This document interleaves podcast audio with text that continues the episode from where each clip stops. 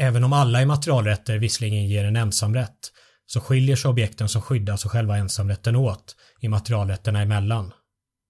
Skälet till det är att samhällsmässiga och politiska överväganden och med det den vilja som finns att skapa incitament och skydda skiljer sig åt beroende på vad för typ av objekt som aktualiseras och ska skyddas. Beslutet att bevilja någon en ensamrätt måste kunna vägas mot andra samhällsintressen, såsom andras olika behov av att kunna nyttja. Därför finns det flera olika materialrätter och inte enbart en immaterialrätt med ett och samma regelsystem. Så krav för skydd och skyddets ramar under varje materialrätt har därför kommit att anpassas därefter.